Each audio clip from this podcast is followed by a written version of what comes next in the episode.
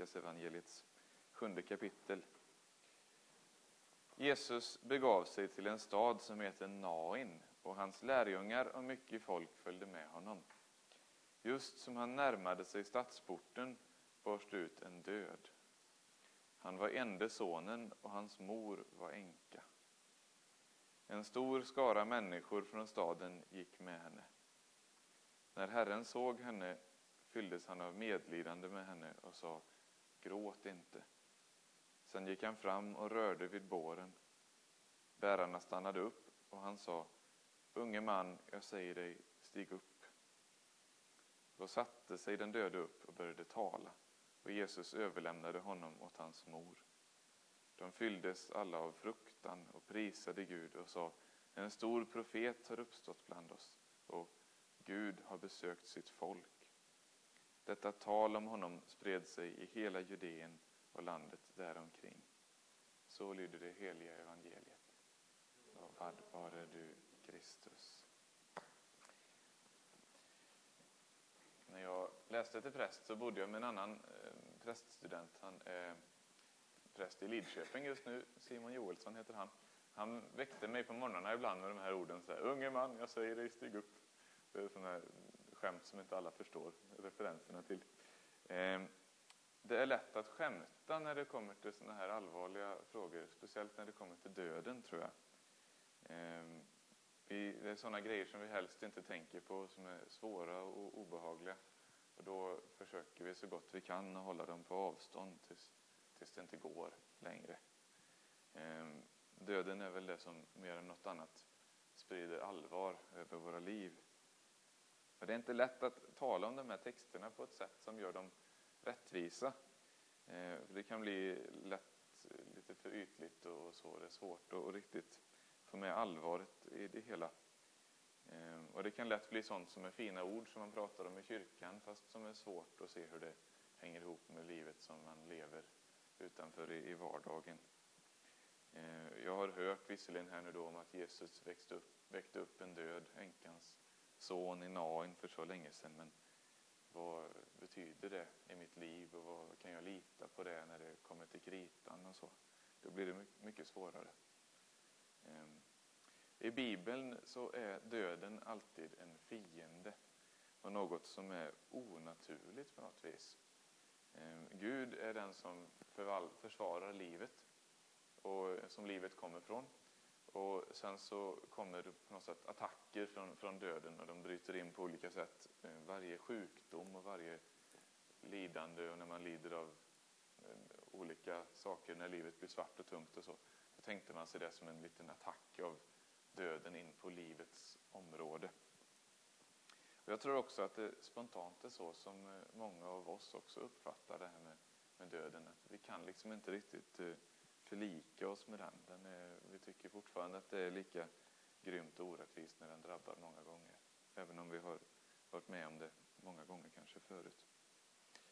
Eh, idag vill jag helst tala till er om tre söner som finns i de här texterna. Tre söner och så är det en missuppfattning om Gud och så är det en nästan obegriplig sanning om Gud. Den första sonen han möter vi i berättelsen om Elia. Eh, han har gömt sig, Elia alltså, han har gömt sig från sina fiender och hamnat hos änkan i Sarefat och gömt sig från torkan och alla sina fiender och drottningen som är ute efter honom och så. Eh, och där har de det ganska svårt den här familjen.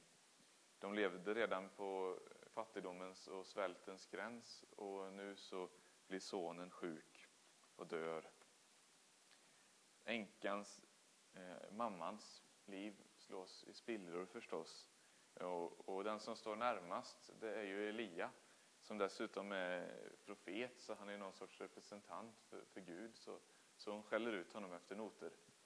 Ehm, och eh, man kan tycka att om man är arg på Gud så finns det väl ingen som är bättre att skälla på än, än den här profeten som, som finns där. Eh, för man kan ju bli arg när, när ondskan drabbar. Elia, han är helt med på noterna. Han blir lika förkrossad han och ledsen och arg och han hjälper till i sin tur att också eh, skälla på Gud och, och, och klaga och säga men vad är det nu som har hänt här? Ehm, eh, hur kan du låta det här ske. Av det här så kan man lära sig flera saker, tänker jag. Ehm, för det första så är både Elia och änkan de är förebilder i sitt sätt att be.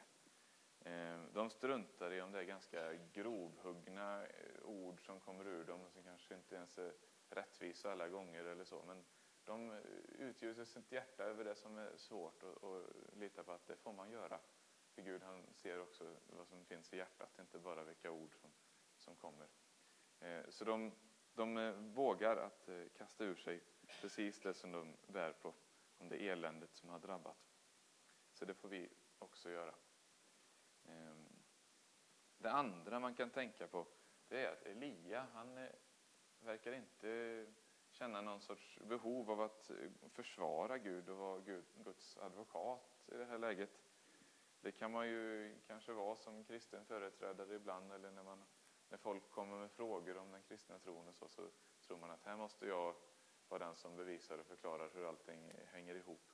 Men så är det kanske inte.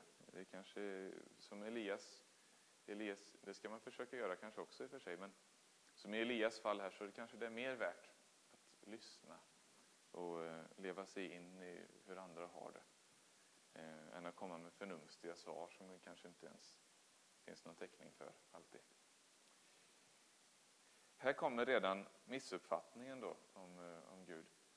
Och det är änkan som säger Vad har du här att göra, gudsman? Du har bara kommit hit för att låta min synd komma i dagen och för att döda min son. Det kommer fram starka ord när hon talar så det här direkt ur hjärtat. Eh, ofta så kanske vi säger saker på ett lite mer inlindat sätt och så, men de är tydligen ganska rättframma i, i bibelberättelserna. Så är det ju i den andra eh, från eh, evangeliet också sen. Eh, men hon uttrycker det som jag tror många av oss tänker om Gud någonstans i hjärtat, även om vi inte riktigt skulle erkänna det inför andra eller alltid inför oss själva. Vi tror ofta någonstans att det är bäst att vi håller Gud på avstånd från våra liv. Att han kan omöjligt vara en som vill mig väl. Han vill säkert bara sätta dit mig och peka på mina brister och mina synder och sen straffa mig för dem och göra livet svårt för mig. Ehm, det finns ju allt sen, Ehm, allt sedan syndafallets dagar så finns det ju den här misstron mot Gud. Vi vågar inte lita på att Gud vill oss väl. Elia han ber enträget och undret händer. Pojken får livet tillbaka. Gud kunde göra det. Ehm, döden och ondskan fick inte sista ordet utan Gud segrade och glädjen blev stor. Och då brister änkan ut i något helt annat. Hon säger, nu vet jag att du verkligen är en gudsman och att Gud talar genom dig. Det är nästan tvärs emot vad hon sa alldeles nyss. Nyss så, så svartmålade hon Gud som vi kanske gör i, i mörka stunder. Men när Gud nu har gripit in och handlat så känner hon igen det på något sätt ändå. Att det här, det är ju Guds signum, att han är den som ger livet, den som upprätthåller livet. Eh, så är det nog med oss också. Att när, när, när Gud handlar så känner vi igen det. Jo visst, ja, det är sån Gud är. Eh, jag har blivit lurad att tro att Gud vill mig illa, men så här, det är ju så här det är egentligen. Den andra sonen idag, det är förstås änkans, den andra änkans son i Nain. Det finns så mycket likheter mellan de här berättelserna när man börjar nysta i det. Ehm, och också här så är det väldigt starka känslor på ett sätt som vi kanske sällan eh, hittar motsvarigheten till i, i, vårat, i våran kultur och så.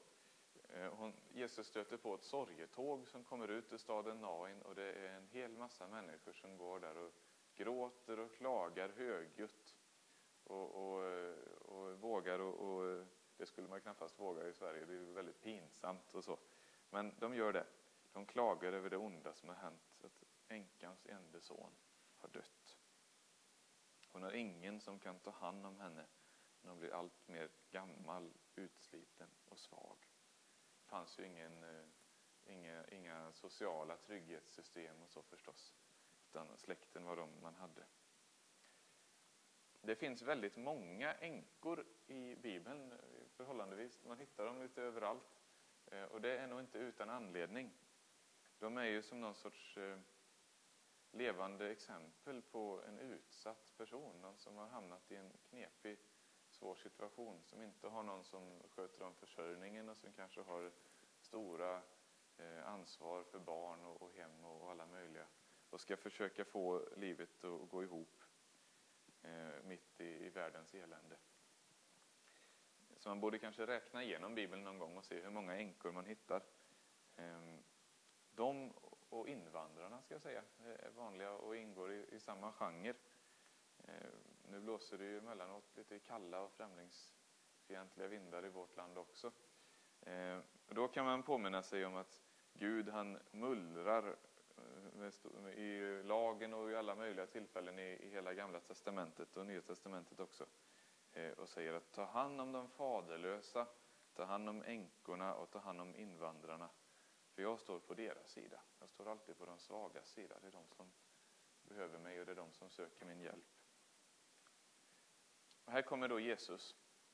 Och han grips av medlidande, som alltid när människor lider. Och han griper också in.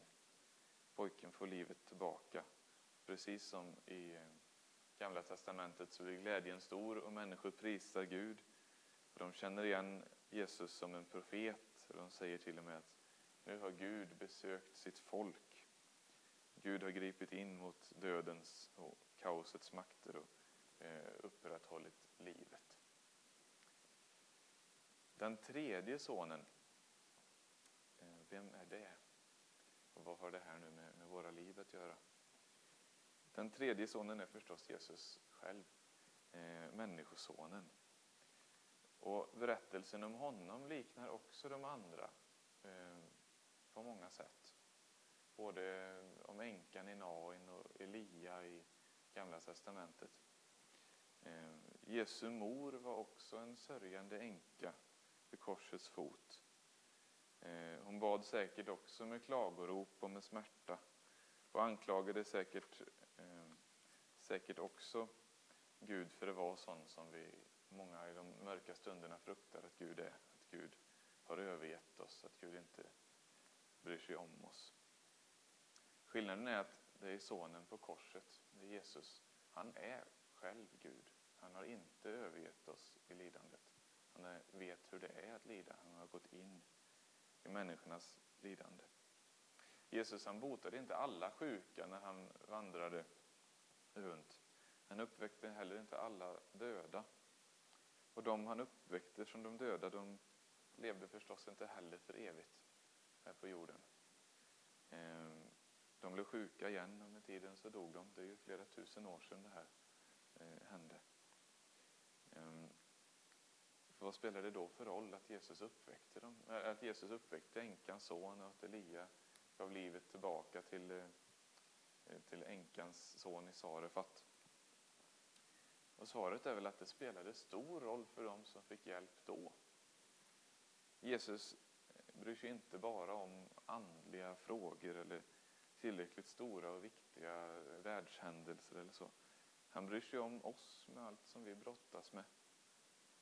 Eh, på så sätt så kan vi också, vi som lever nu, kan se på de här berättelserna och, och lära oss vem Jesus är genom hur han handlade då. För sån som han var då, sån är han också nu. Gud är inte någon Gud som är distanserad och oengagerad och, och eh, ganska ointresserade av våra liv. Utan Gud är som Jesus. Det är det som är den kristna sanningen nummer ett. Det är genom att se på Jesus som vi lär oss hur den Gud själv faktiskt är. Och han reagerar på vårt lidande precis som Jesus reagerade när han såg sorgetåget i Nain. Gud är mer god och mer barmhärtig, mer nära än vad vi vågar tro. Eh, Gud är engagerad. Eh, det kan vara svårt för oss att se många gånger förstås. Eh, och han kom som sagt inte till jorden för att uppväcka alla döda och så, utan för att besegra döden, öppna vägen till det eviga livet finnas med oss i vårt mörker och föra oss ut ur det på andra sidan någonstans. För Jesus själv så gick, var livet inte heller bekymmersfritt, så då kan ju inte vi vänta oss det heller förstås. Det gick via korset, eh, via döden på korset. Men sen fortsätter det till den tomma graven och livet som inte har någon överman.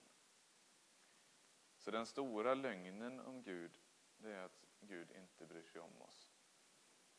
Den stora sanningen, det är att vi kan, om vi undrar ifall Gud bryr sig om oss, då kan vi titta på Jesus. Vi kan se på korsen här i Skälvums kyrka, både på, på sidan och här framme på altaret.